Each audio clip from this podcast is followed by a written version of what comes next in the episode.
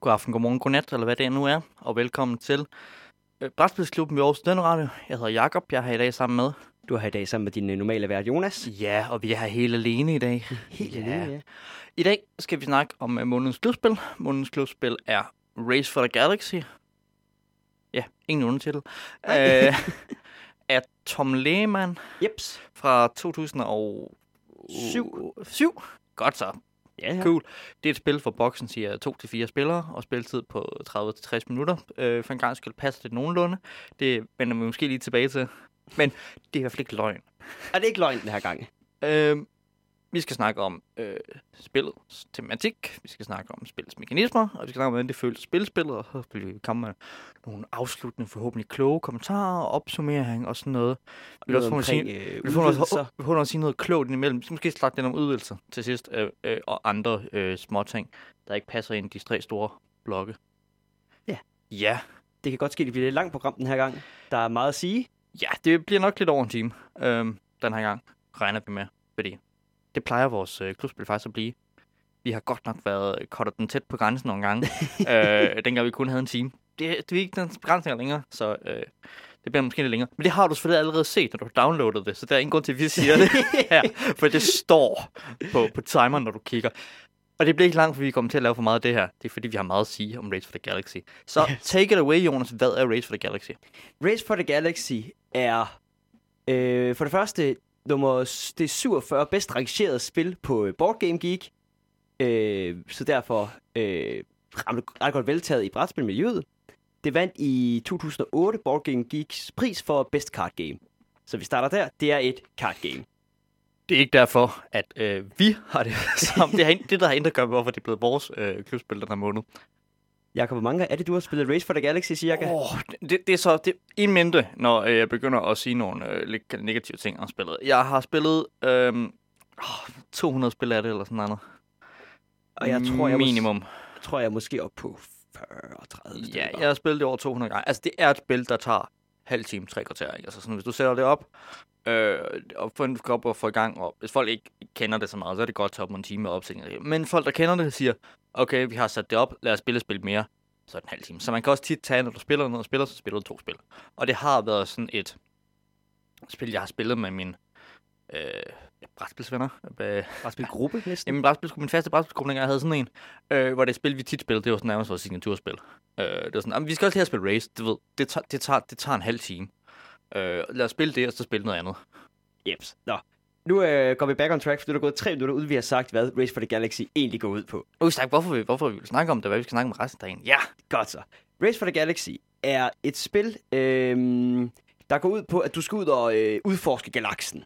Temaet er sci-fi og space exploration. Hvis du ikke kan gætte det for titlen af, så er det måske lidt dumt. Men øh, Det, øh, du skal Kunne stoppe måske- med at fornærme vores lytter hele tiden. Ja. kun måske, hvis de føler sig ramt, så er det deres eget skyld. Okay. Øh, måden spillet starter på er, at hver spiller har en øh, starting-planet, og så sidder du med fem kort på din hånd. Øh, og, øhm, og derefter, så den måde spillet egentlig kører igennem på, det er, at alle spillere vælger en fase, de gerne vil aktivere i løbet af spillet. Du vil måske gerne ud og explore galaxien og finde nogle fede nye ting. Du vil måske gerne lave noget ressource. Du vil måske gerne øh, indramme en ny planet ind i din sådan, galakse. Du vil måske gerne handle lidt, eller du vil måske gerne producere nogle ting, du kan handle med. Og hver spiller vælger så en af de her ting, og så bliver det ligesom aktiveret i den rækkefølge, det er blevet valgt i. Og så får alle spillere lov til at... Hvis jeg har valgt, at jeg gerne vil udforske, så får alle lov til at udforske, men jeg får en bonus til det.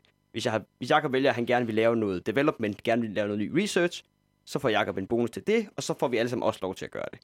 Så det er et spil, hvor at vi kan alle sammen få lov til at gøre rigtig mange ting, men den spiller, der ligesom vælger, at nu skal vi ud og udforske, får en bonus til det. Ja. Det er sådan en af de primære mechanics i det spillet. Det er, at hver tur bliver man, vælger man, hvad det er, jeg gerne vil have en bonus til, og hvad jeg gerne vil aktivere. Hvad der skal ske? Altså for, hvis vi vender tilbage til, det hedder vist nok orderkort. Ja. Man spiller et orderkort, så når vi refererer til orderkort, så er dem her, vi refererer til.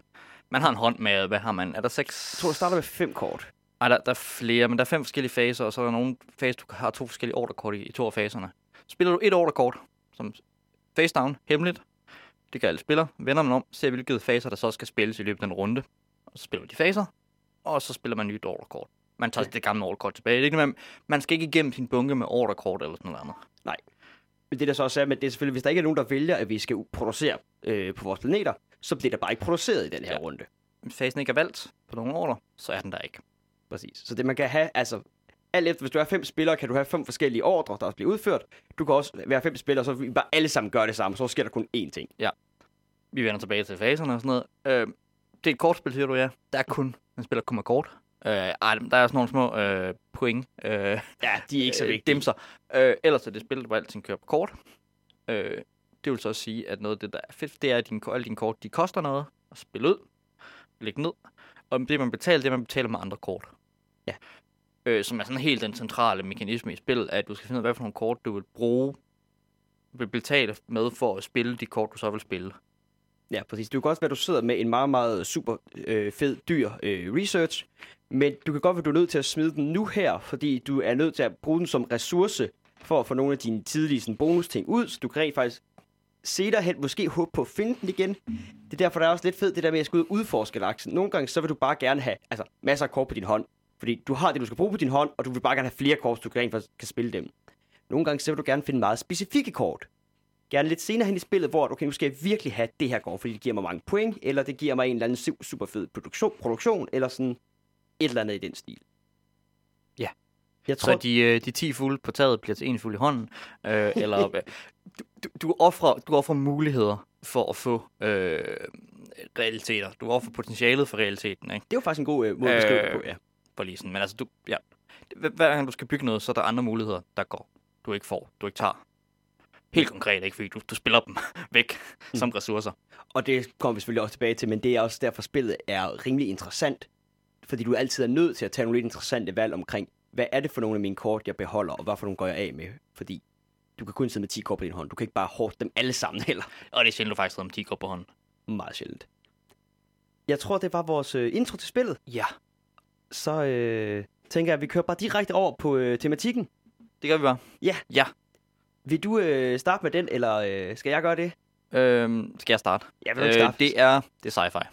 Det er Space Exploration sci-fi, og det er totalt klassisk øh, sci-fi-agtigt. Der er masser af forskellige racer. Øh, der er en øh, precursor race, der er blevet væk og har efterladt deres robotter. Øh, de Ancient Aliens. Øh, de var der engang, de er der ikke længere.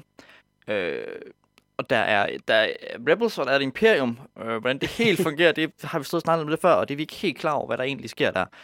Og det er sådan setting. Øh, det er in space. Altså s- næsten alt klassisk sci-fi, du kan forestille dig, det er der lidt af. Det er space opera, er det ikke det, man kalder det? Jo, noget af den stil. øh, agtigt, ikke? Altså, det, det er sådan et klassisk øh, øh, strategispil i space-agtig setting. Jeps. Med, med en masse af de her... Øh, Nu siger du så, at der er masser af racer. Øh, men hvem spiller du selv i Race for the Galaxy? Oh, det er jo lidt det. Hvem er man egentlig? Man starter med en starting world, og så skal man bygge en lille et, sit eget lille bitte øh, imperium op, fordi man, ens imperium bliver aldrig sat stort, fordi spillet slutter ret hurtigt, uden man rigtig får bygget noget. Man har, man har, et, man har en farve, ens orderkort er, og på den der bagsiden den farve, der er der, der er sådan tre forskellige raser, der står og kigger øh, ud. Tre forskellige mænd, eller kvinder, eller hvad de er, øh, som er tre forskellige raser. Så man er ikke en race, der har nogen. Man er, man er et imperium, der bliver bygget op.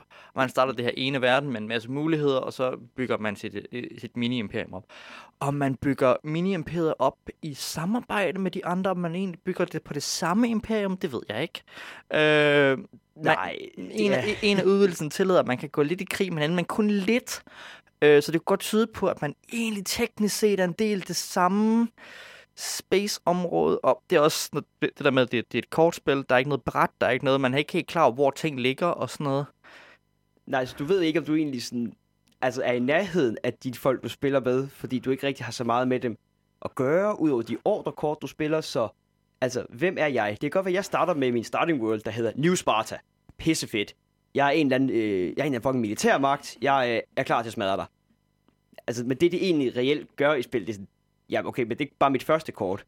Og det giver mig en starting bonus. Men alle planeter har en starting bonus. Og sådan, Et eller andet sted er man måske pff, sin starting planet, men da man er ikke en race, og øh, det er også du ved, Planet of Hats. Helt, helt, helt totalt.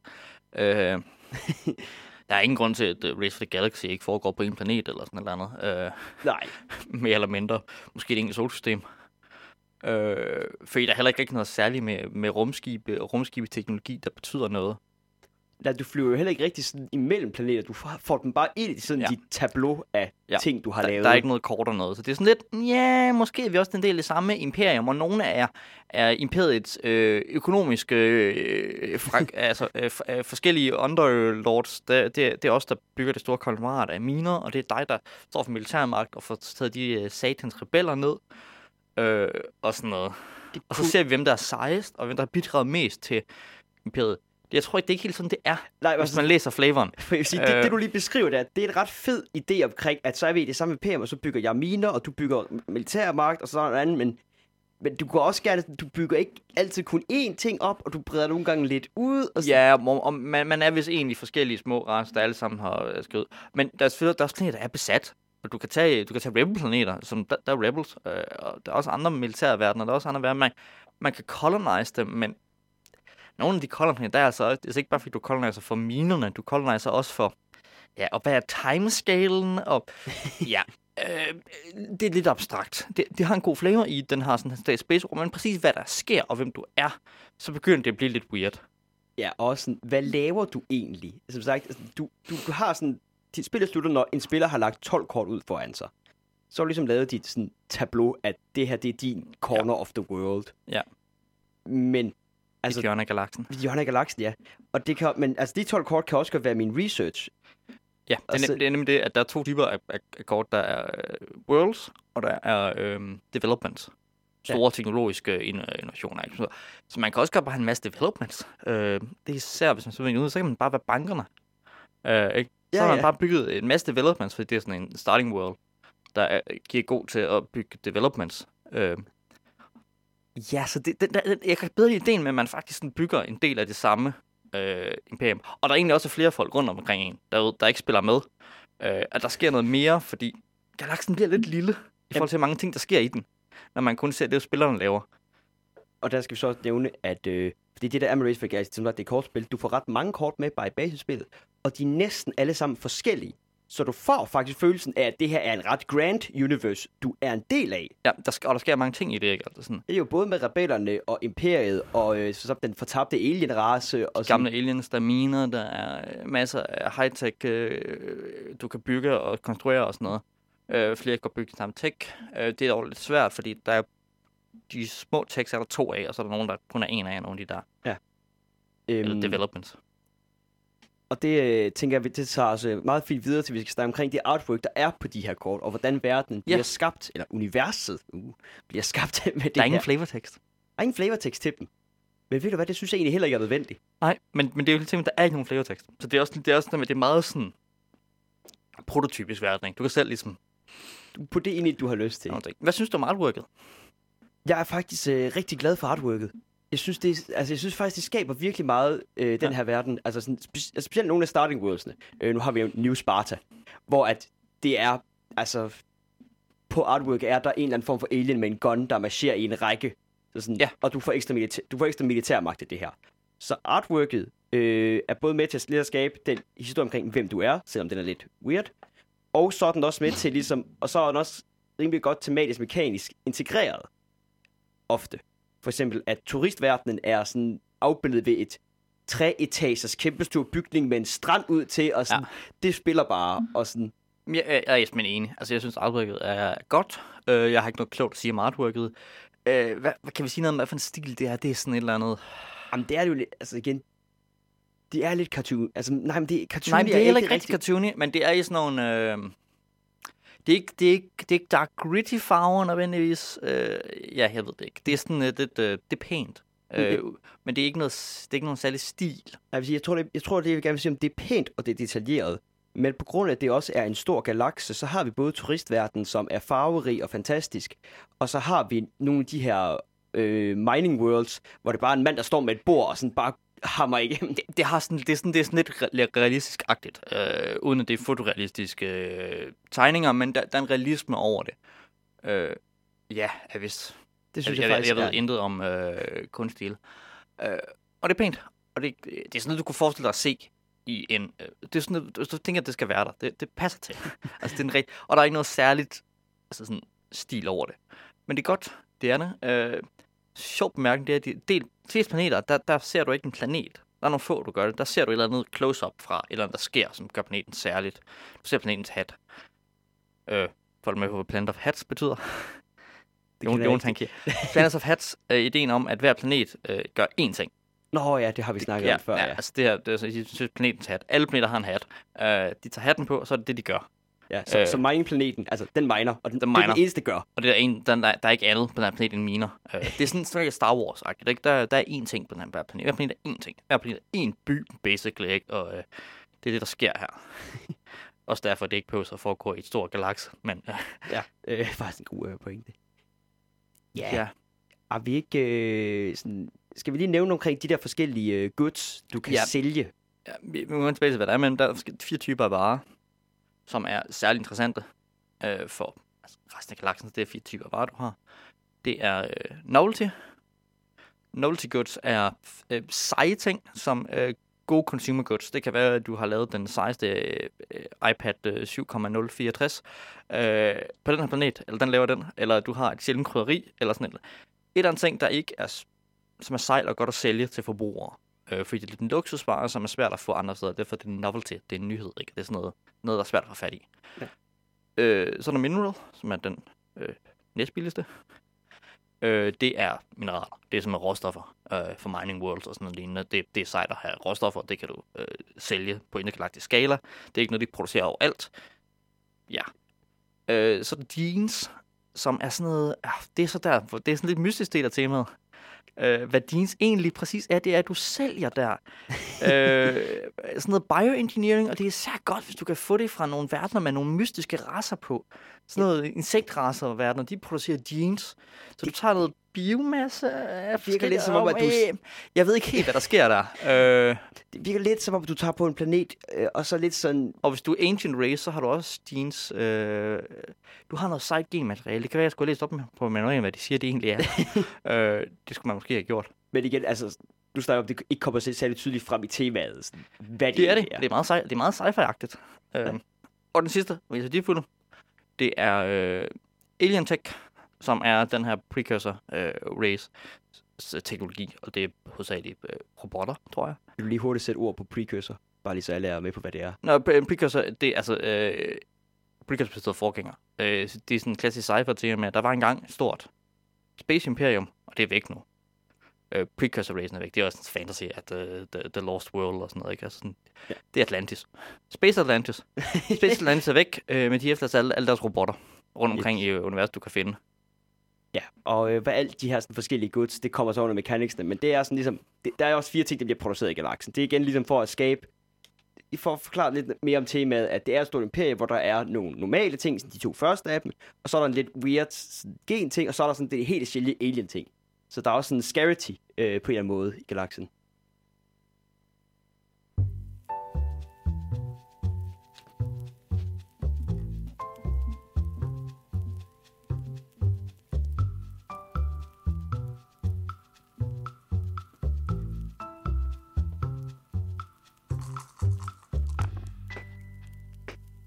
Nå.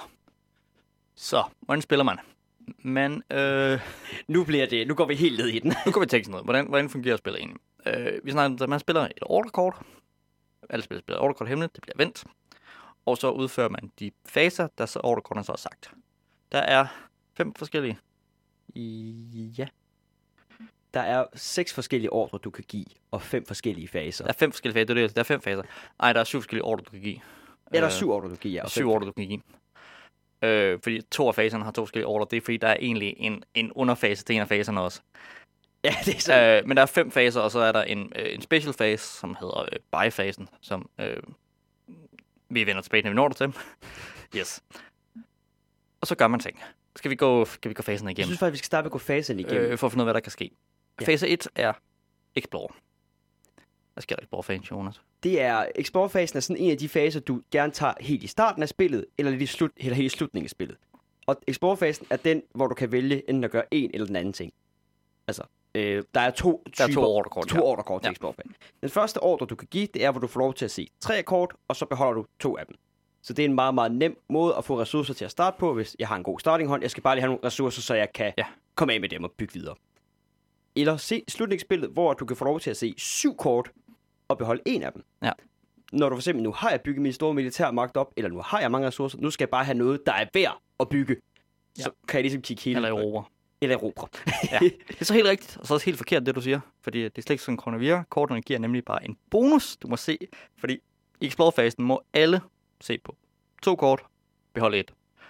Og så kan, når du spiller over det kort, kan du få en to bonus til det. Der kan også have andre kort, der giver dig bonus til Explore-fasen. Jeps. Øh, så det er ikke sådan, du spiller C. Det, det er plus 1 plus 1 kortet. Øh, C et ekstra kort, tab, behold et ekstra. Eller øh, C5 ekstra. Ja. Så med eksport, alle tager for dækket, kigger nogle kort igennem, vælger nogen at beholde, for det meste en, men at man selv har spillet det, eller har nogle bonusser, og øh, så ligger resten tilbage i en discard. Ja, og når jeg kan snakke om bonusser, det er fordi rigtig mange af de kort, du lægger ud i din tableau, de giver dig bonusser til en af de her faser. Ja. Så det, det, jeg sagde til at starte med, hvordan det fungerer, igen, det kan godt blive enhanced i løbet af spillet. Det vil sige, Jonas, du beskrev helt rigtigt, og, og helt forkert. det er du faktisk ret øh, men det er bare lige altså sådan, det er ikke, ja, tekstdetalje. Men helt det med, at bonusser kan du få, altså også, og når du spiller et orderkort ud, og du så, så aktiverer du fasen, og du får en bonus i den fase. Den, fa- den bonus er ikke unik. Altså sådan, den kan også være på andre kort. Jeps. Øh, Jeg tror måske, det giver mere, hvis jeg også lige sådan tager development-fasen, som er fase nummer to, Ja. hvor du selvfølgelig bygger developments, altså researchene. Men den, der har valgt nej, developmentsene. developments, ja. Dem, du kalder uh, research for, Ja. for, for at forvirre alle. ja, For det hedder de ikke. det hedder developments, ja. Ja. Så du laver developments. Men den, der så har valgt development-fasen, får en rabat til den development, han hun vil spille ud. Ja. Men der er selvfølgelig også godt mulighed for, at du kan få den ene rabat fra andre kort, du har spillet ud tidligere, som Jacob lige sagde der. Ja. Øh, ja, men developer-fasen må man bygge en development. ja som er- Settle-fasen må du øh, sætte en planet. Eller overtage en planet. Ja, og nu kommer vi så til militær, fordi vi siger godt, at normalt så har alle ting har en kost. Det ligger med sted mellem 1 og 5-6 stykker. Øh, hvor mange kort man skal discarde, men man får noget rabat og sådan noget. Øh, så er der så militær. Og militær, det er en flad værdi, du har. Det er en, øh, den threshold, den grænse, du skal nå på. Øh, en militærverden har, et, har også et tal, der står 4 for eksempel, eller 2. Det øh, betyder så, hvor meget militær skal du have nede på dit tableau, for at kan tage den verden. Jeps. Og for at vende tilbage til starting rule New Sparta, så vil jeg sige, at jeg har militærmagt. New Spartas, ved den starting bonus er, den starter med to militærmagt. Ja. Så den kan tage ret mange af de tidlige militære planeter og militærkort. Fordi den har det. Og militær er ikke noget, man nødvendigvis har. Øh, man kan også godt have en, to af det. Øh, man kan gå efter det totalt, og så gå efter Europa. Der er det i, basisspillet, er det, det er syv, det er det højeste, man skal bruge. Ja. Øh, hvis man smider sig på, så kommer der nogle endnu større og vildere. Udstillingen gør det hele taget spillet større og vildere. Øh, hvor er du i højere kurt. øh, Ja, altså, så, ikke hurtigere. så militæret er et lidt speciel form for ressource i det her spil. Fordi Ja. der skal du nemlig ikke af med kort. Men det der at pointen med, at du skal så lede noget mere efter de rigtige kort. Fordi der kan du kun tage, eller du kan kun overtage en vis, eller de, nogle specielle planeter. Så det der med at kigge på mange kort og vælge lige præcis, den her kan jeg tage, for den har enten giver mig militær bonus, eller den kan jeg tage med mit forhen, eller Ja. mit nuværende militær. Så det kan man også. Man kan kun tage en planet altid øh, i sættelfasen også. Så hvis du har masser militær, man kan du også konkurrere en planet for din hånd af. Eller sætte en planet ved at betale dens kost. Man får lov til at skrive kort, når man har sættet, hvis man selv har spillet. Det er ikke så vigtigt. Præcis hvad der er. Men det er for at give et på, hvad det er sådan nogle små bonusser. For det meste, så giver de her bonusser cirka et kort. Ja. Øh, af de første tre her, ikke? Øh, fjerde fase, der kan være i spillet, er øh, consumption. Det er, man har de her goods, øh, som kan ligge på ens verdener. Øh, hvis en verden kan producere goods, så kan der enten være good på det, eller kan ikke. Der kan ikke være flere. Så hvis der er nogen, så skal de øh, bruges. Ja, og de her forskellige typer goods, det var de der novelty, rare, Ja. øh, alien ting. Og en af dem nemmere at sige, at fase 5 er production, og der producerer produktionsverdener goods. Ja, det, øh, der er også nogle verdener, der hedder Windfall World, de kommer ind med goods. ja, det er sådan, så tager du en verden, der har nogle ting på sig, men den kan ikke producere flere. Og din bonus i fase 5, det er, at du kan producere på verdener, der kommer ind med Windfall. Så ja. Det er heller ikke sikkert, at du har production world, der er mange af dem. Det kan være, hvis du er gået fuldt militær eller et eller andet, så har du ikke ret mange production world, så er det ikke særlig fedt for dig, når det er production. Så er der det er fase 5. Ja, det er Fase, produktion. fase 4, consumption. Øh, som måske også er den mest komplicerede af faserne. Ja, den vigtigste Øh, og mest komplicerede, ja. vil jeg næsten sige. Øhm, hvad hedder det? Fordi der, der er de her goods, hver, hver planet med goods kan have en goods. Men du skal så også have planeter, der kan forbruge dem, for at forbruge dem. Ja. øh, og der va- va- varierer lidt, hvad du får ud af det. For det meste øh, vil man få et point Per good. per good. Øh, nogle gange kan man få et kort, man får point et kort, hvis man er sej og sådan noget. Nogle, nogle planeter og nogle developments kan, kan consume flere goods, og det er nice, hvis man er det, man går efter. For eksempel har du en Starting World Old Earth. Dens ting er, at den kan konsumere to goods. Fordi den gamle planet har virkelig meget brug for ressourcer, så den kan konsumere noget ekstra. Det er ligesom det med, at du skal både have en production planet, og du skal også have noget sted at, at, at consume dem, for at få pointene. Det er det andet. Du kan spille to kort i den der fase. Det er så vigtigt. Du kan spille nu for dobbelt point for at consume. Vi vender snart tilbage til, hvordan man overhovedet vinder spillet. øh, Der er kun gået øh, 20 minutter. Jamen, det er virkelig fordi, øh, nu kommer vi til, nu snart vi point. Ja. Øh, og øh, det andet er, at du kan, du kan trade. Du kan tage en af dine, dine, øh, dine kort, en af dine goods, og sælge den for flere kort. Og så consumer du resten, hvis du kan det. Jeps. Man skal consume, hvis man kan, og sådan noget. Det, Og det der med at sælge det, der er det vigtigt, at hvis du kan få lavet noget alien øh, research, så kan du sælge den, og så må du trække fem nye kort. Ja. Hvorimod, hvis du bare sælger sådan novelty goods, i det, det, det, det, så må du trække to kort. Sådan. Det er ikke super fedt, men til gengæld, når du skal konsumere dem for point, så konsumerer du dem uanset hvilken farve de er. Ja, for det meste. Der er nogle, øh, øh, nogle Ja. ja. consume-kort, der, der øh, øh, bekymrer sig om farve. Ja, men for det, Det er for det meste, meste dem, der så kan consume ekstra sejt, eller øh, de kan consume tre blå, eller sådan et eller andet. Ikke? ja, så det er lidt en sjov ting med, at du gerne måske i starten af spillet vil have nogle af de her lidt sejre planeter, som kan give dig rigtig mange kort at trække op, og derefter kan det først også godt være, at du bare skifter over og laver mange billige planeter. Fordi du skal egentlig bare sælge det her, og du er lidt ligeglad med, hvad det er for point, så du skal bare af med dem. Og det er sådan, ja, du kan bygge en maskine op her. Og øh, øh, øh, trade-fasen er så den øh, ekstra minifase, vi nævnte før. At den kommer før consume-fasen, så det er fase... Øh, ja, det er ikke, det er ikke 3,5, det er... Øh, den, 4,1. ja, ja, nej, for det, for det trade, det, øh, det, det er lige før fase 4. Der, der er en ekstra fase inden fase 4, som er kun dem, der har spillet trade-kortet, der må øh, tage. Det kan også betyde sige, at alle sidder og spiller trade, for nu har alle sammen fået goods, og så skal alle sammen bare trade. Øh, måske undtagen en ja, det der med, sådan igen, hvis jeg vælger, at vi producerer en runde, så får vi alle sammen lov at producere, så har vi alle sammen goods, og så vil vi nok egentlig måske også alle sammen gerne sælge nogle af dem, fordi ja, ellers så bliver de bare konsumeret til noget andet. Det er ikke sådan det her med, at man spiller de her forskellige kort. Man, man kan godt prøve at tænke lidt på, hvad de andre vil spille af ordrekort, og bygge sit tableau måske lidt efter det og sådan noget. Hvis man spiller rigtig godt, så kan man gøre det, som folk kalder, man kan, man kan leache. Det er ligesom en, øh, hvad hedder sådan en på dansk? En øjle? En, Nej, øh, nej, en ile. ile. Ikke en ile. Ja, man kan, man kan suge blod af de andre, ikke? Fordi at man kan sige, at jeg har nogle få production worlds. Øh, jeg har aldrig selv produce, men jeg kan se, at Jonas han har mange, han vil produce. Når han producer, får jeg også noget af det. Haha. Eller Jonas kan sige, ja, men ved du hvad, jeg producer bare. Jamen, jeg står også med, Jacob, han har ikke nogen. Men han, øh, han skal sælge på et tidspunkt, så jeg gider ikke selv at spille selv, for det kan jeg se, at det kommer på et tidspunkt til at ske. Og det er faktisk en ret vigtig del af spillet. Øh, og hvis vi Jeg kan skal... også virkelig satse på, at Jonas han spiller øh, consume. Jeg får lov til at consume ting. Og så kan jeg spille production, så der kommer nye ting på min verden. Det er så svært i forhold til strategispillet. Øh, det her med, at production altså kommer efter consume. Det er måske lidt forvirrende, når jeg lige bliver lidt rigtig at forklare dem. Men du kan altså først consume ting runden efter, Du har produceret dem. og spiller ikke så langt. Nej. Nej. Så Jonas, hvordan vinder man spillet, og hvornår er det færdigt? Øh, skal jeg lige vende min kritik af de her faser? oh, nej, nej, ja, det går, hvis du har mere at sige om faserne. Jeg har faktisk mere at sige om faserne, Ja. fordi jeg synes faktisk, at der er et, altså, der er et problem med dem, og det irriterer mig grænseløst. Øh, det er faktisk, at normalt som du sagde, at faserne, de giver dig som regel en lille bonus, det er som regel, at du får lov til at trække et ekstra kort. Det er meget det, der sker. Hvor, men production-fasen, hvor at, sådan, du får lov til at producere på en ekstra verden, men hvis jeg nu har altså to production worlds, og et, du så også producerer, jeg synes simpelthen, at production ret ofte giver en alt, alt for stor bonus til dine modspillere.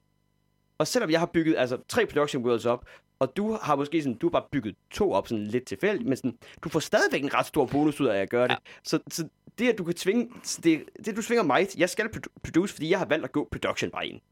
Men at du så også bare kan leach af min sådan, produktion, og så du har sådan cirka, altså hver anden tur kan du sælge, fordi jeg producerer det, det, det er nok helt klart den, du ikke vil har mindst lyst til at spille altid. Det er production. altid. Øh, fordi den bare giver bonus til de andre også. Og så- Du, du, vil, du vil gerne have nogle af de andre spillere, dine, dine production worlds, de sidder og producerer, uden du selv skal gøre det. Og det er et problem, når du bliver flere spillere, fordi så er der, der er der nok altid en eller anden, der gerne vil producere, og så behøver du faktisk nærmest aldrig nogensinde. Det er måske også derfor, du ikke skal spille flere spillere. Ja, Øh, præcis. øh, Men stadig, sammen- men stadig bare op til fire spillere, er det stadigvæk sådan en ting, Ja, hvor, hvor det øh, virkelig sådan gør ondt på dig at spille production, fordi der er så meget til de Det andre. er nok også noget, det gør med altså, spiller. Øh, øh, to ting med spillere. Nu, nu kan vi lige snakke om, om spiller-count og det her med... Øh, øh, spillet går hurtigt også selv med mange spillere, fordi man har øh, simultant øh, ture. Alle giver ordre, og så kører man alle sammen, alle faser igennem. Øh, Spillet teknisk skal man selvfølgelig sige, og nu gør vi alle det her, det det. Men du ved, man kan spille sin tur igennem, fordi det er ikke så vigtigt lige, hvad der sker. Og så kan man sige, nu er jeg færdig, nu har jeg gjort alle de ting, jeg skulle. Øh, og så andre bliver, kan lige følge lidt med og sådan noget, men man kan også bare, ja, ja, det skete. Jeps. Øh, men det er så sådan, når der er mange spillere, så kommer der flere ordre ud. Så kommer der flere faser i hver. Øh, og det gør lidt for øh, noget for strategierne og forskellige ting, hvordan de forskellige ting gør. Og, Det bliver øh, lidt mere sådan, nå ja, den kommer og- vel også, den her og det er tur. værd at benævne, hvornår slutter spillet. Øh, spillet slutter ikke, når en vinder. øh, der er ikke sådan noget, man kan nå sådan at vinde. Spillet slutter på et tidspunkt. Spillet slutter, tror jeg, nogen har sagt, når der kommer 12 kort ned. Eller der, der er sådan en bunke med point, man får for at consume. Det er det eneste spil, der egentlig ikke er kort. Det er de her øh, Point tokens. øh, tokens for point. Den er tom, der er 12 point per spiller i den. Øh, hvis den er tom, eller nogen har bygget 12, så er spillet slut. Øh, og bygge ned er på den meste military vej, vej til at stoppe spillet. Og øh, det andet er sådan en, en produce-consume strategis øh, metode til at indspillet. Ja, det er sådan de to generelle veje, man Og i det hele taget, produce-consume metode måske det, det, det faktisk slet ikke stoppe spillet. Så bare gerne have, at de kunne gøre det en gang til, og en gang til, og en gang til. Øh, men det kan de ikke. Nej, øh, ja, fordi når du ligesom har fået lavet den her produce-consume øh, op at køre, så behøver du næsten aldrig at lave andet. Du behøver måske aldrig rigtig sådan at finde flere kort eller bygge nogle flere ting. Du kan bare sidde her, og så kan du få en masse point ind af sig selv. Det er derfor, at det der med militærmagterne rigtig gerne skal ud og finde nogle planeter, og så lave mange af dem. Så det er ret ofte den militære magt, der sådan lukker spillet. Ja, men, men også faktisk, når du bliver flere spillere, så går det til spillet til også tit i færre runder. Fordi at der er nogen, der er interesseret i at gøre noget sejt og lukke spillet hurtigt. Og det bliver nemmere, hvis der kommer flere ordre ud.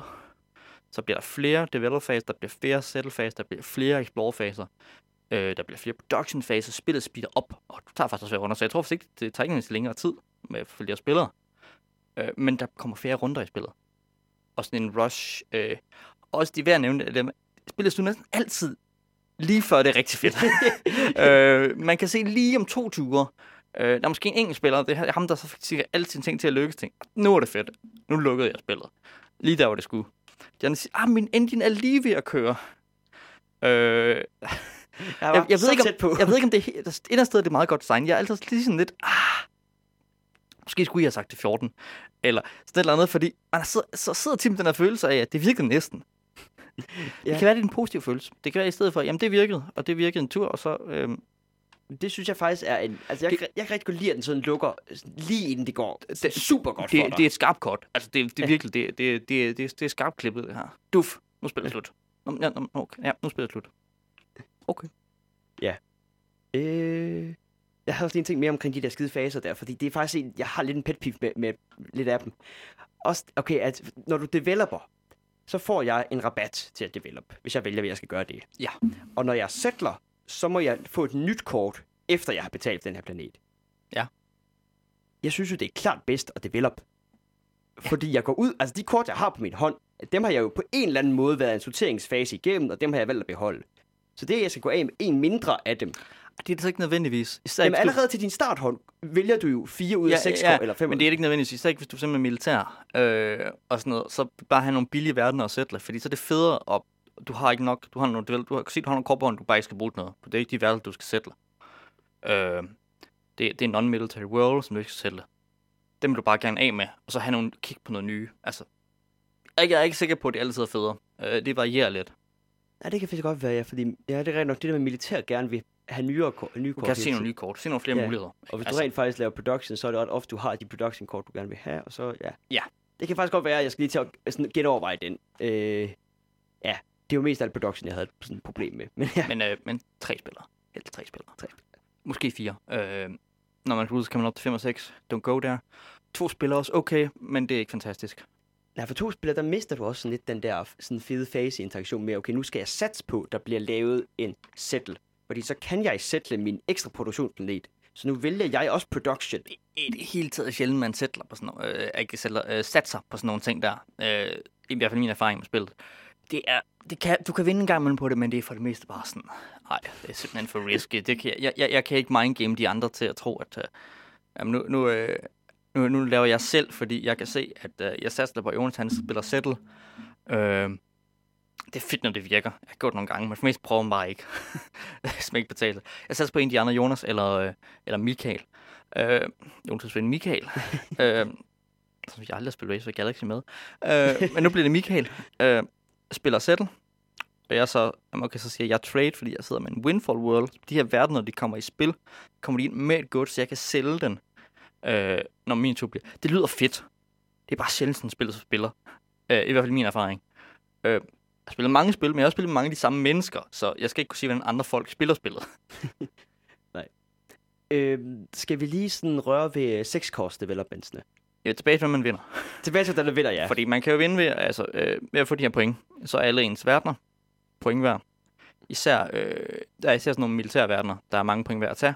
Ja, fordi militærverdener, øh, de er rigtig gode, eller de er rigtig store af dem, de gør ikke andet end at give dig point. Ja, det er, hvis du erobrer Rebels'nes øh, baser og øh, får de Empire og alt det der, øh, så, øh, så får du mange point. Og Ja. ja. det er mere eller mindre du gør. Der er også alien-verdenerne, som er beskyttet af aliensene, øh, giver også en del point. Øh, for det meste giver de også endnu mere militær magt. Fordi nu har du taget et, øh, en øh, alien-robot-skib og øh, besejret det. Nu har du også alien-robotskibet. Da da! Øh, har, du, har du repareret det lidt? Nu har du to ekstra militære magter. Den koster 5, så nu kan du komme endnu videre op. Men det synes jeg også, øh, det er lidt fedt, fordi igen, når du når til, at du har en vis militærmagt, så skal du ikke, så søger du ikke efter mere militærmagt, fordi nu kan jeg tage alt, så nu vil jeg bare gerne have point. Så igen, hvordan det fungerer med, at de små militærplaneter giver gerne nogle production, noget consumption, og sådan du kommer længere og længere op, så gør de bare mindre og mindre andet end at give dig point, som du vinder på. Og så skal du, så skal du også finde dem. Ikke? Altså, du skal også lige være det heldige med, at... Eller, ja, lidt heldig også, men det er også det med at spille de her store Explore sidst i spillet, ikke? Nå, nu ser jeg fem kort ekstra, for jeg skal bare have fundet den der Rebel Base. Øh, sådan at jeg kan erobre den og øh, få noget ud af alt mit militær. Jeps. Og så er der, nogen sagde, Six Cost Developments hedder de. Det kaldt. Hvad kan de, Jonas? De gør X. Og det er faktisk en... Nej, nej, nej. Øh, de, de giver variable point, afhængig af, hvordan de tableau ser ud. Præcis. Ja. Øh, men det er sådan nogle kort, du finder på et tidspunkt i scenen, eller løbet af spillet måske, vil sige, og det kan give meget varieret point, øh, afhængig af din tableau. ser ud. De kan give mellem 2 og 12, eller sådan noget, ikke? Altså sådan, hvordan Ja. det ser ud. De har gerne en rigtig fed effekt. Og så giver de dig gerne rigtig mange point, hvis du er specialiseret i et eller andet. Ja. For eksempel De understøtter, ja, de giver også en fed effekt, ja. den helt store sådan, uh, sex cost development, der er nemmest at forstå nok, det er en research developmenten. Den gør, når du spiller den ud for 6, så får du to rabat til alle fremtidige research. Det den så giver point efter, den giver to point per 6 course development, du har, Ja. og et point per et course development, du har. Galactic Federation. Så den gør det meget, meget nemmere for dig at spille, øh, hvad hedder det, en research ud, og du får mange flere point af at spille research ud. Ja. Og det er gerne sådan, 6 cost developments fungerer. Ja, så er der øh, også... Øh, øh, dem vil altid give dig nogle point, men der er sådan noget som øh, New Imperial Order, New Order, eller New Imperial Order, eller hvad den hedder. Jeg skal gerne svinge uh, Imperial Mars sang, man kan, når man spiller kortet. Kan du synge, Jonas? Måske, jeg har ikke lyst til et godt forsøg lige, du skal ind. Nej. Nej, du, kan, du, kan, du kan ikke synge. Ja, jeg, jeg kan aldrig huske den. Uh, man skal gerne nynne Imperial Mars. Den giver to military power. Straight up. Og så giver den en point for en power, du har. Den vil sig selv give to altid, ikke? Fordi der er to på den også. Men altså, hvis jeg ikke har noget military magt, så giver den mig to point. Og det er ikke fedt. Men hvis jeg bygger det op, så kan den give mig 7, 8, 9, 10. Yep. Den er nemt at forstå, ikke? Sådan. Og der er forskellige andre. Der er nogen, der altid er lidt fede. Nogen, der er meget specialiseret. Og jeg synes, det der er... med- Nogen, der endda giver øh, point for at have specifikke developments. Åh, oh, ja, det er rigtigt. Øh, det findes. Øh, der er ikke så mange, men nogle de specifikke developments, du skal have. Er det for mest der er to af, ikke? Eller, eller du skal have verdener med bestemte typer af powers og sådan noget. Ja, det er fordi, når du, du vil gerne sådan lidt specialisere dig øh, i løbet af spillet. Og det hjælper de her 6 course development der gerne til at gøre, og det er også på en måde et mål. Når, nu, nu er jeg halvvejs igennem spillet. Nu vil jeg gerne have den her 6 course development. Enten så har jeg, enten så vil jeg gerne ud og finde den her specifikke, jeg ved, der er i spillet, eller par specifikke, jeg ved, der er i spillet. eller også så har jeg lidt bygget min tableau op efter den, jeg allerede sidder med på hånden, og så er jeg klar. Så det er sådan, det er dit midgame. Det, det er der, hvor du får store point og sådan. Eller dit endgame er lige, lige når at lægge ned for at score pointene på det, eller sådan noget. Men, og det kræver så, der, det er sådan noget der, hvor der måske er mest heldigt, ikke? Uh, øh, finder du de gode developments, du rigtig vil have? Er det den, du gerne vil have, du finder? Uh, finder du den seje novelty goods uh, seed cost development, der giver point for alle dine blå uh, verdener, og kan consume helt vildt meget for helt vildt godt, uh, når du er gået novelty? Eller finder du den, og så prøver du at gå novelty, så lykkes det ikke for dig alligevel. uh, der er en del, del held i noget af det her. Øh, vi måske snakke mere om meget held af en af spillet. Ja, Six Cost Development, de er meget sjove. Øh, men de er også lidt specielle, fordi du skal også finde dem, og øh, nogle gange så er de der, nogle gange er de der ikke, og det er, sit, det er tit surt ikke at have dem, og det er ikke sådan noget med, at du kan se, at de ligger derude, og du skal tage en af dem, øh, og sådan noget. Du kan jo ikke bare gå ud og finde den, du gerne vil have. Altså sådan, i den forstand, du kan søge efter, du kan søge en del kort igennem, men Ja. det kan da godt være, at det kort, du sidder med, det sidder jeg med på hånden, eller den er under en af mine planeter som et stykke godt, og så kan du aldrig få fat på den. Ja. Og sådan, det, det, det begrænser lidt det strategiske øh, gameplay, at man ikke kan være sikker på at få dem. Fordi det er nemlig dem, der også, når du spiller dem, så sætter du en strategi med dem. Du vælger den her Card Development for at vælge en strategi. Øh, og at man måske skulle gøre det med, at de ikke var kort, men ting, man kunne vælge til for at vælge strategi eller sådan noget. For så havde du virkelig været den, der vi snakkede om, du er mining faction. Du har valgt mining faction derudefra, ikke? I runde 3 fik man lov til at vælge en, og i runde 6 vælger man en til. Eller sådan. Jeg ved det ikke. Øh, jeg skal ikke redesign Race for Galaxy, men det er jo bare sådan noget med, jamen det her med, at det er tilfældigt, om de dukker op, om de er op til det rigtige tidspunkt og sådan noget øhm, I det hele taget er det med, med alting. Du kan også gå en stor militærmagt, og så, nu har jeg fået en militærmagt. Kan du ikke finde de der rebels, fordi de er bare væk fra dig. øh, fordi, at, øh, øh, fordi Mika, han sidder med på hånden og griner.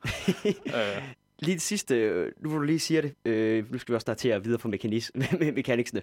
Men øh, der er et spil, der hedder San Juan, som har, altså det er opbygget lidt på samme måde. Nu skal jeg nok lige gøre det meget kort, for at jeg nævner den. Fordi i San Juan, der er der også en 6 cost development, air quote, men der er et øh, sådan kort, der altid ligger fremme, som enhver spiller kan bygge, som koster 7.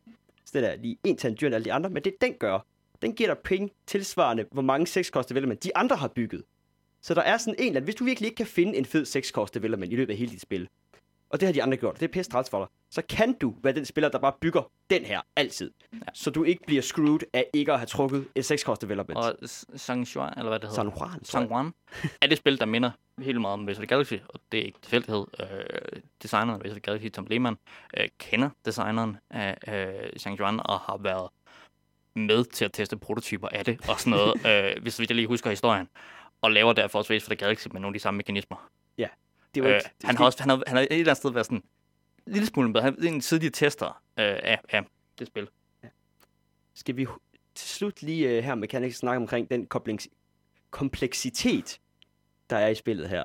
Ja, der er, eller der er to emner, vil sige, to, to begrebspar, vil jeg, jeg vil lige godt blive ved den, når vi snakker om øh, Race for the Galaxy, og hvordan man spiller det. Øh, for det første, så er der, så er der sådan øh, kompleksitet og dybde. Øh, et, kom, et komplekst spil har mange, øh, ting, mange ting, der flytter rundt på, øh, mange ting, der sker, mange regler. Det er Race for the Galaxy. Race for the Galaxy er et komplekst spil. Ja, fordi der er, så efter hvad er det, 30-35 minutters gennemgang af mekanismer i spillet, så burde det være op for dig, at der er rigtig mange ting, der kan ske i det her Det er også spil. et spil, som man forresten, du, ved, du taber første gang du spiller, for du har ikke overblik over det. Ja. Ja. Øh, men det tager også en halv time eller sådan noget, så den nemmeste måde, det er også bare at øhm, spille det. Til at lære det. Jeg siger uh, learning by burning.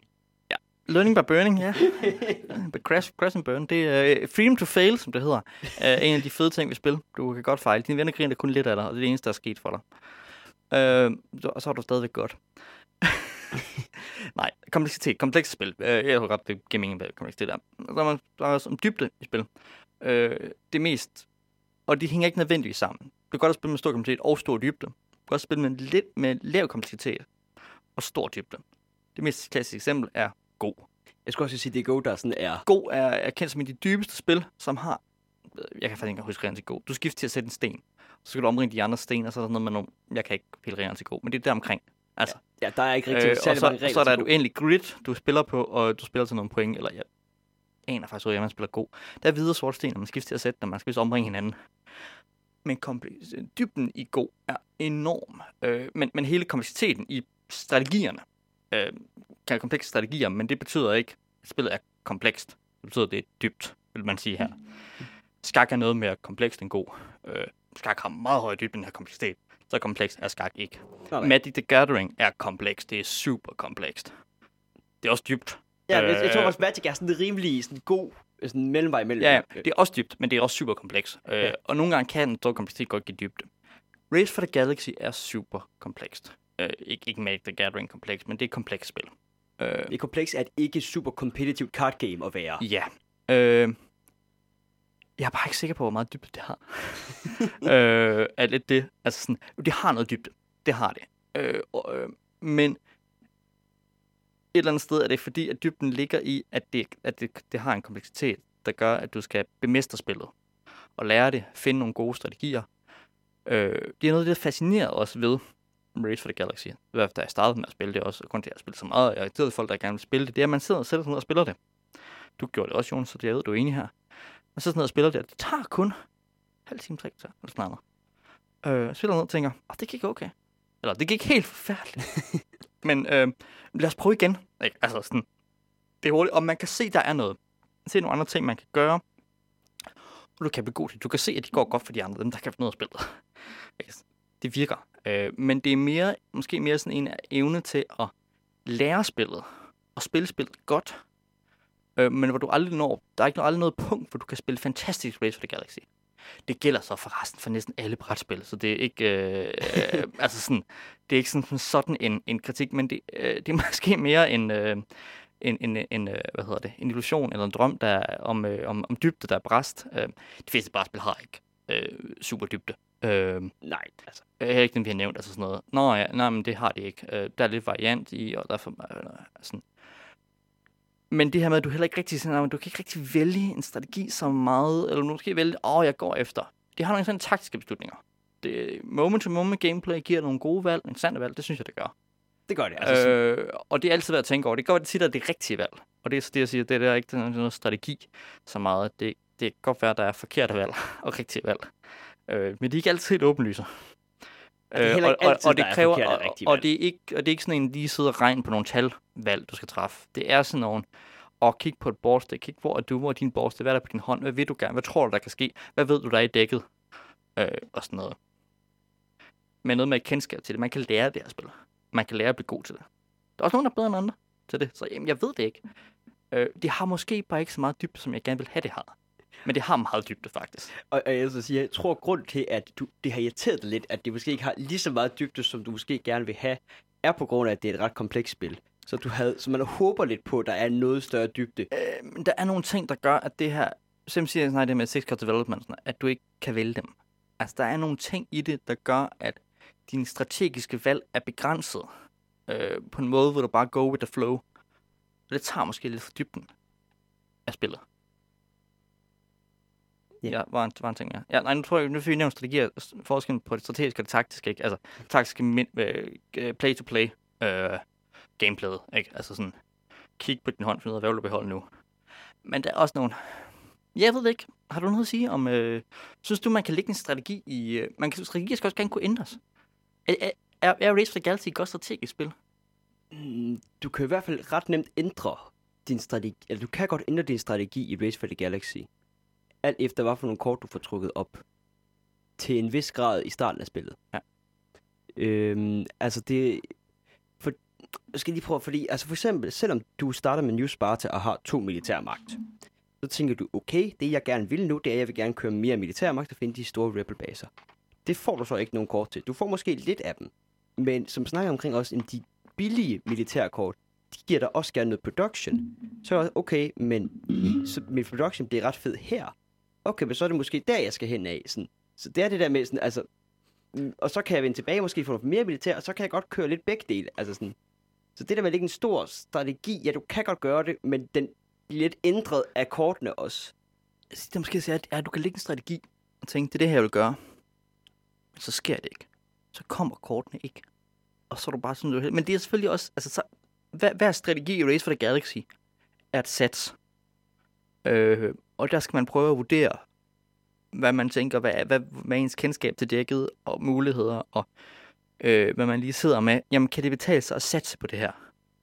Hvad, hvad? Og så kan det gå galt nogle gange, uden, uden at man har gjort noget forkert, udover at man har sagt, at nu vil jeg øh, gå efter novelty goods, øh, og, øh, for jeg har en side development til det, og en planet, og nu går jeg novelty goods, så finder man ikke mere af dem. Og så er det bare, nå, okay. øhm, var det vores... Øh, jeg tror, det var alt, vi havde at sige om øh, mekanismerne i spillet.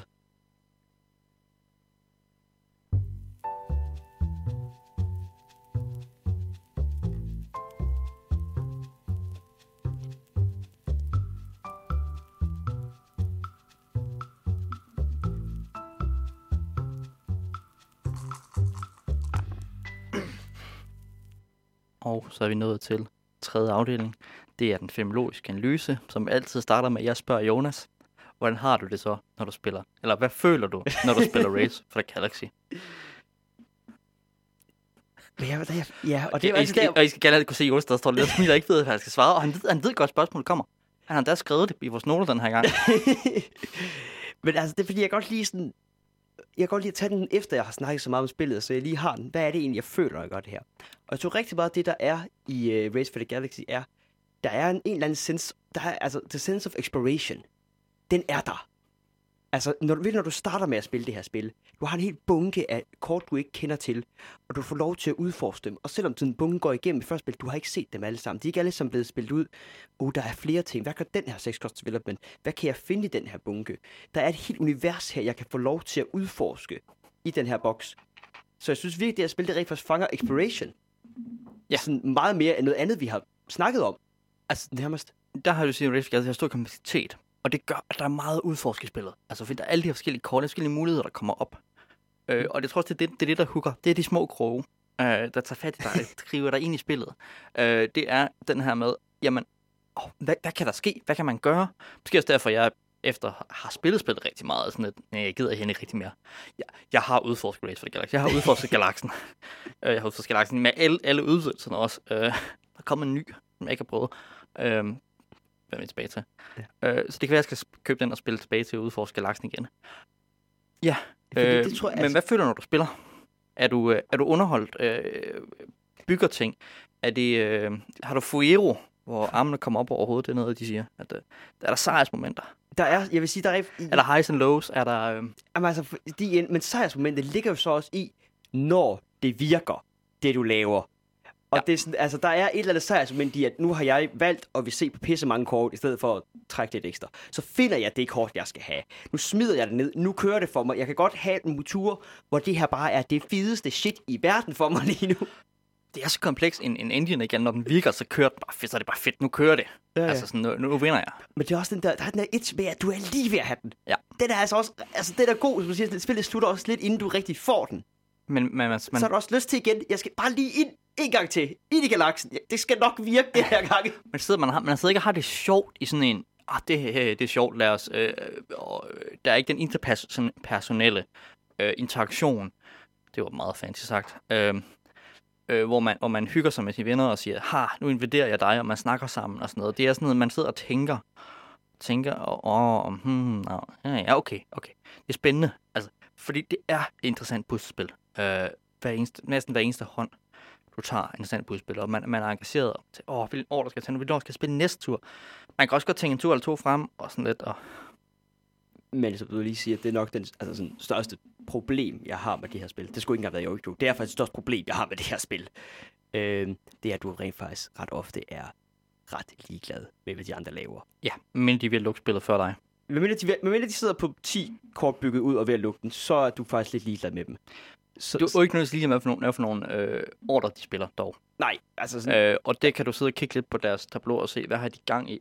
Øh, Ja. for at, men jeg synes især så med, med 4-5-spillere, kan man godt misse, hvad folk er gang i. Men det er mest fordi, også et interest of speed i spillet, ikke? At man ikke sidder og holder øje med alt, hvad der sker på alle de andre, og hvad de laver af fede ting. Fordi det er ikke så vigtigt for en, så man lige ved, når man fokuserer så meget på det, spil videre. Og så siger, åh, oh, øh, nå, 10 godt, du vil lukke. Og siger, hvordan fik du så mange point? altså, jeg tror altså sådan, det, det er det er rigtig meget et individuelt spil for mig, Race for the Galaxy, hvor jeg får lov, jeg får følelsen af at explore. Jeg bygger, jeg får lov til at prøve at bygge mit op. og hvad du så laver, og hvis det går godt for dig, så har du det sikkert også sjovt. Det, det er fint nok, men for Race for the Galaxy for mig er meget et individuelt spil egentlig. Men det er der med ideen med, at man er ikke, man er ikke rigtig fjender. Man, man, man, man er rivaler, ikke? Altså sådan, man, man, et eller andet sted arbejder man lidt sammen. Øh, eller det gør man ikke. Jo, fordi man giver ordre også, som, som Ja, så man kan godt, altså sådan, du kan komme til ufrivilligt at hjælpe hinanden, altså. Ja. Ja, altså jeg tror, det er sådan, at den store, øh, nu har vi også snart snakket en time, så vi skal også have rappet den op efterhånden. Ja, ja, ja. Men, men øh, Men ja. det er sådan, altså, ja, og så, som jeg har sagt mange gange, så kan jeg også godt lide at bygge ting op. Og, Ja. specielt, for, og for the Galaxy er rigtig god til at få bygget og det giver den der. Og jeg siger, det der er fantastisk ud af det også, at det har den kapacitet, at man kan lidt til at udføre. Det er også det, det er så hurtigt. Og det spiller hurtigt. Det flower godt. Der er godt flow i spillet. Og det vil sige, øh, jeg kommer ikke at sige flow af at spille det, men spillet har et godt flow. fordi man er engageret hele tiden. Øh, måske kan man også komme lidt i en flow-tilstand nogle gange. Ah, ikke helt. Øh, men hvor du, fordi det her med simultanture, øh, alle giver ordre.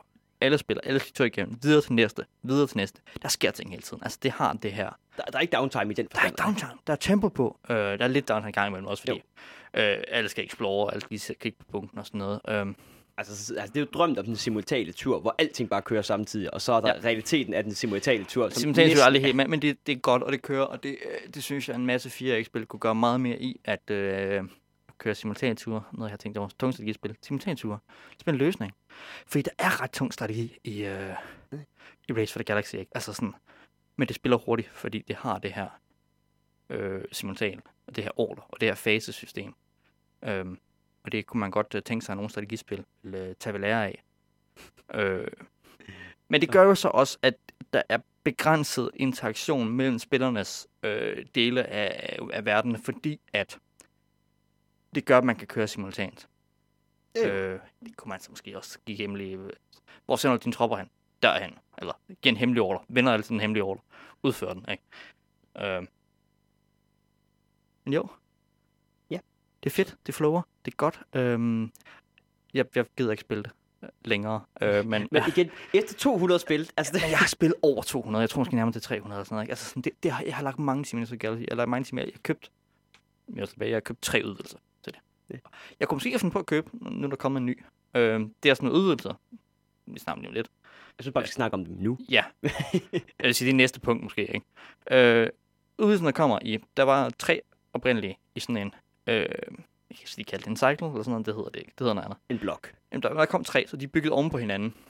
Tre udvidelser. Øh, og så kom der ikke flere i den. Sådan, så er der så er der en ny blok. Der er en udvidelse i.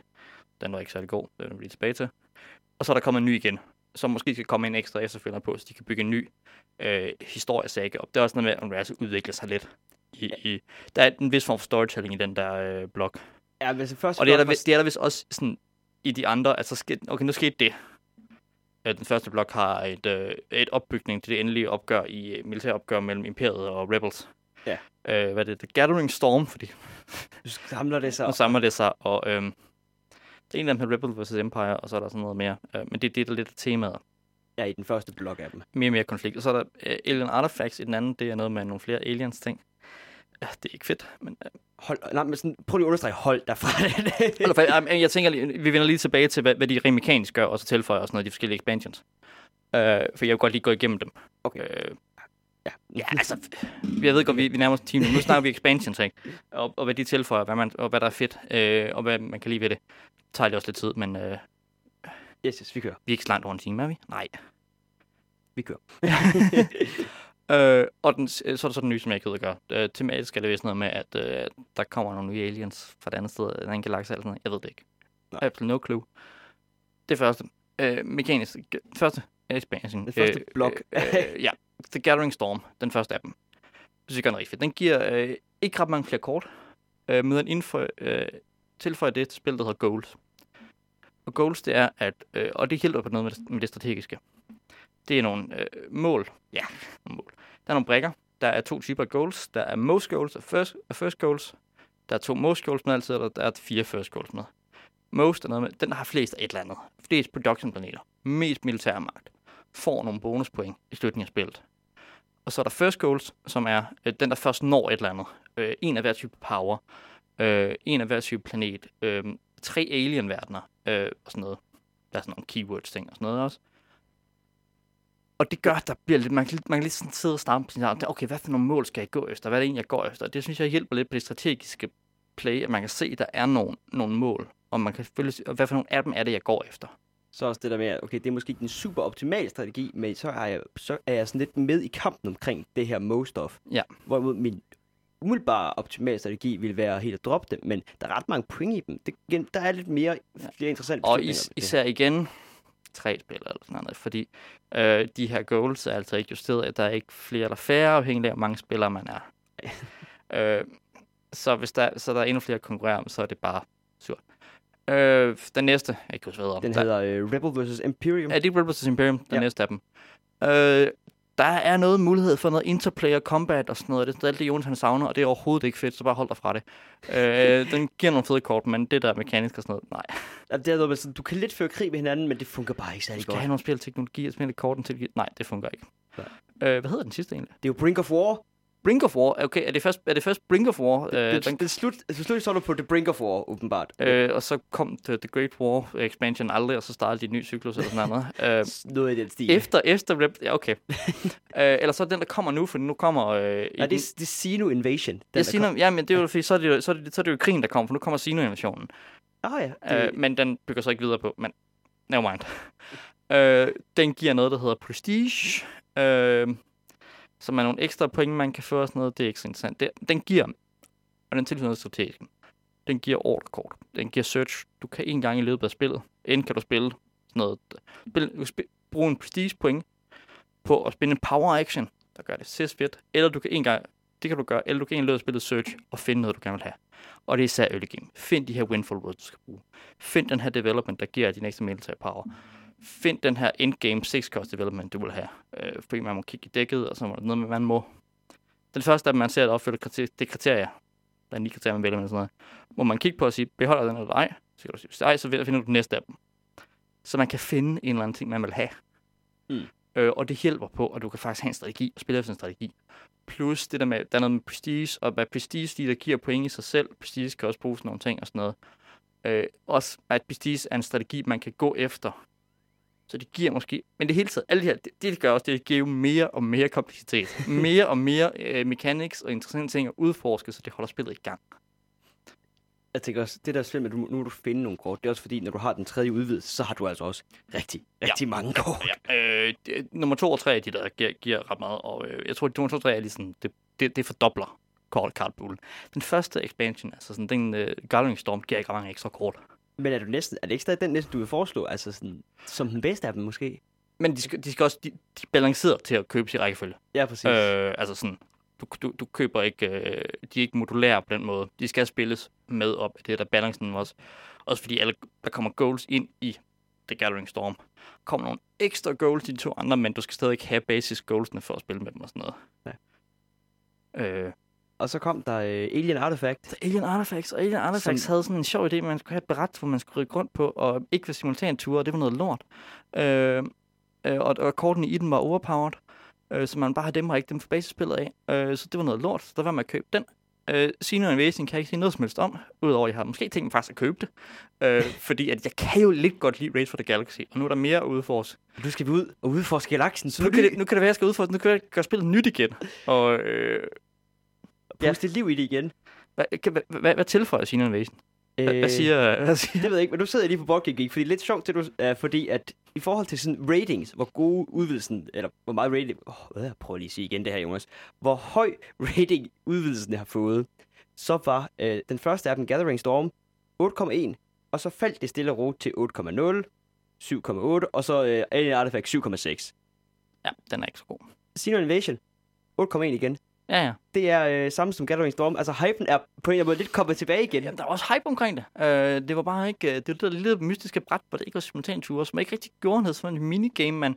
Nej, nej, det, det var altså Alien Artifact. Ja, egentlig ja. ja. Som man også kunne lade være med at spille med, øh, så de ikke helt var sikre på, at det faktisk var en god idé.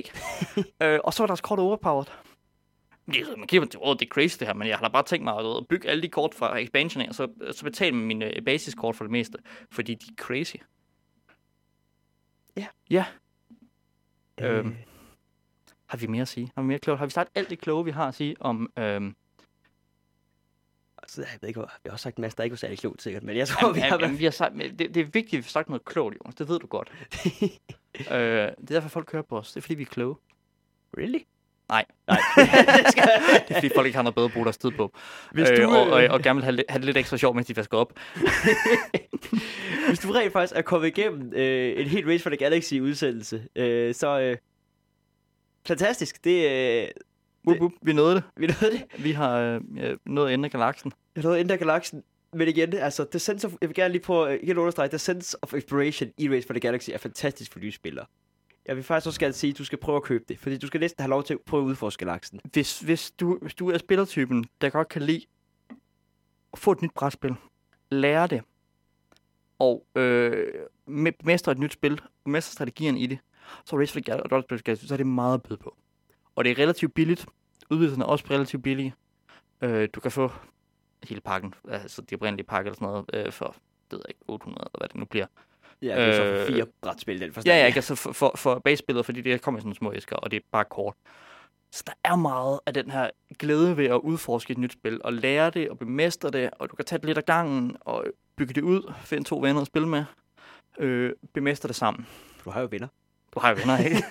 Hvis du ikke har venner, øh, så, Så er det godt, fordi så, så, så kan du købe uh, Gathering Storm, og den, den uh, inkluderer en solo-version, uh, hvor du kan spille med en eller anden præprogrammeret uh, mekanik. Det er ikke helt godt. Jeg har prøvet det på gange for lige at se, hvordan det virkede. Uh, uh, jeg kan ikke helt anbefale det. Nej. Øh, jeg tror, jeg vi øh, skal vi til at slutte af på i dag af. Ja. Jeg vil lige øh, til slut nævne, at øh, vi selvfølgelig er en del af Aarhus Studenter Radio. Øh, og der er jo mange andre udsendelser her på Aarhus Studenter Radio, som øh, jeg synes lige, vi skal plukke bare en lille smule for. Har du hørt noget godt? Jeg har været ved at høre, øh, hvad hedder det, Harry Podcasten igen. Ja. Den store, øh, eller... Ja, Harry Pottercast. Harry Pottercasten, ja. Øh, så hvis du øh, har læst Harry Potter for lang tid siden, øh, og kunne egentlig være lidt sjovt at få en lidt øh, mere dybdegående næ- altså nærlæsning af den første bog, som egentlig sådan, ja, det er faktisk ret interessant, så øh, vil jeg foreslå dem. Eller hvis du er til en helt anden vej, så øh, Tøfleheltene har været i København og interviewet Thomas Skov. Øh, om hvad ved jeg ikke endnu, men jeg har planer om, at jeg skal høre den. Hvad er tøftenhelte, Jonas? Tøffelheltene, det er jo et program på Aarhus Radio, Jacob. Jamen, hvad, hvad, hvad går det ud på? Det handler om dem to. Altså, Okay. det, det, det, er sådan, Det er et humorprogram, er det ikke? Au, Mere det er eller mindre. noget comedy-program. Øh, de skal være værter på øh, kapsalas. Okay, Så hvis du har lyst til at vide, om der skal være vært på kapsalas, så er det tøffelheltene. så de må være sjove. Ja, det tror jeg, det er. Eller... Nej. Og øh, Jacob, vil du øh, sige det, vi siger i slutningen af podcasten? Jeg vil sige, at øh, find os og like os på Facebook, det er vi glade for. Der kan du også øh, se, når øh, ting går, går, går galt, og hvorfor de går galt, så skriver vi. øhm, du kan følge med i øh, vores nye, hvis vi laver events. Øh, vi laver klubspil en gang i måneden i hvert fald. Måske kommer der på et eller andet tidspunkt nogle andre events. Det har vi snakket om før til siden. Nu skal jeg på mig. Sp- andre spilleaften, det tror jeg ikke, de sker. Men det kunne være, hvis det sker, så kommer det der. Følg med, hold det opdateret, stil dig spørgsmål derinde. I må også godt komme med forslag til, øh, hvad hedder det? Programmer? Programmer. Emner? emner, øh, folk, der synes, vi skal interviewe eller sådan noget andet. Øh, hvis I har nogle kontakter, I kan formidle, vil det også være fedt. Ellers så er Jonas ikke bange for at skrive til folk. Nej, nej. Øh, ja, like os på Facebook. Det er fedt. Øh, find os på øh, iTunes. Øh, ja, øh, like os der. Eller det kan man ikke like. Jo, jo follow os der. Øh, review os. Øh, hvis du er noget helt her til for ende ende af galaksen, så gå ud, for du godt kan lide os. Så gå ind og giv os det der positive review, øh, du synes, vi fortjener. Øh, ellers, var du ikke noget her til, vel? Åh, kæft, mand. Ja, for du har siddet og taget en time og 10 minutter og hørt om inden af galaksen der. Ja, ja, ja, så må du godt kunne lide os, ikke? Så jeg kan godt sige, gå ind, gå ind og review os på iTunes, for du kan godt lide os, ikke? og få dine venner til at gøre det. Også, for, fortæl os, fortæl os til dine venner, du spiller brætspil med. Øh, hvis du ikke, så er vi på, øh, hvad hedder det? Podcast Addict, hvis folk ikke har iPhones. iPhones. Det ved du nok godt, hvis du ikke har en iPhone og har fundet os. Øh, eller også så finder du os på iTunes, eller hører os på, på nettet et eller andet sted, og tænker, hvordan finder jeg egentlig på, på øh, til min øh, Samsung-telefon? Podcast Addict hedder appen. Der er vi og alle andre over Studenteradios programmer. Ja, tak for i dag. Ja, tak for denne gang. Og øh, så mod det uendelige univers. Du kan virkelig ikke Jeg lave kan ikke! Du kan ikke lave Imperial March overhovedet. Jamen, jeg har glemt den. Jeg skal, jeg skal, jeg skal og øve mig. Du skal bare hjem og sidde for de kæreste. Dø, dø. Nej, nej, nej, jeg skal, jeg skal, jeg skal hjem og høre den, så jeg ligesom kan få den ind, fordi jeg får den, jeg synes ikke, det er noget forkert.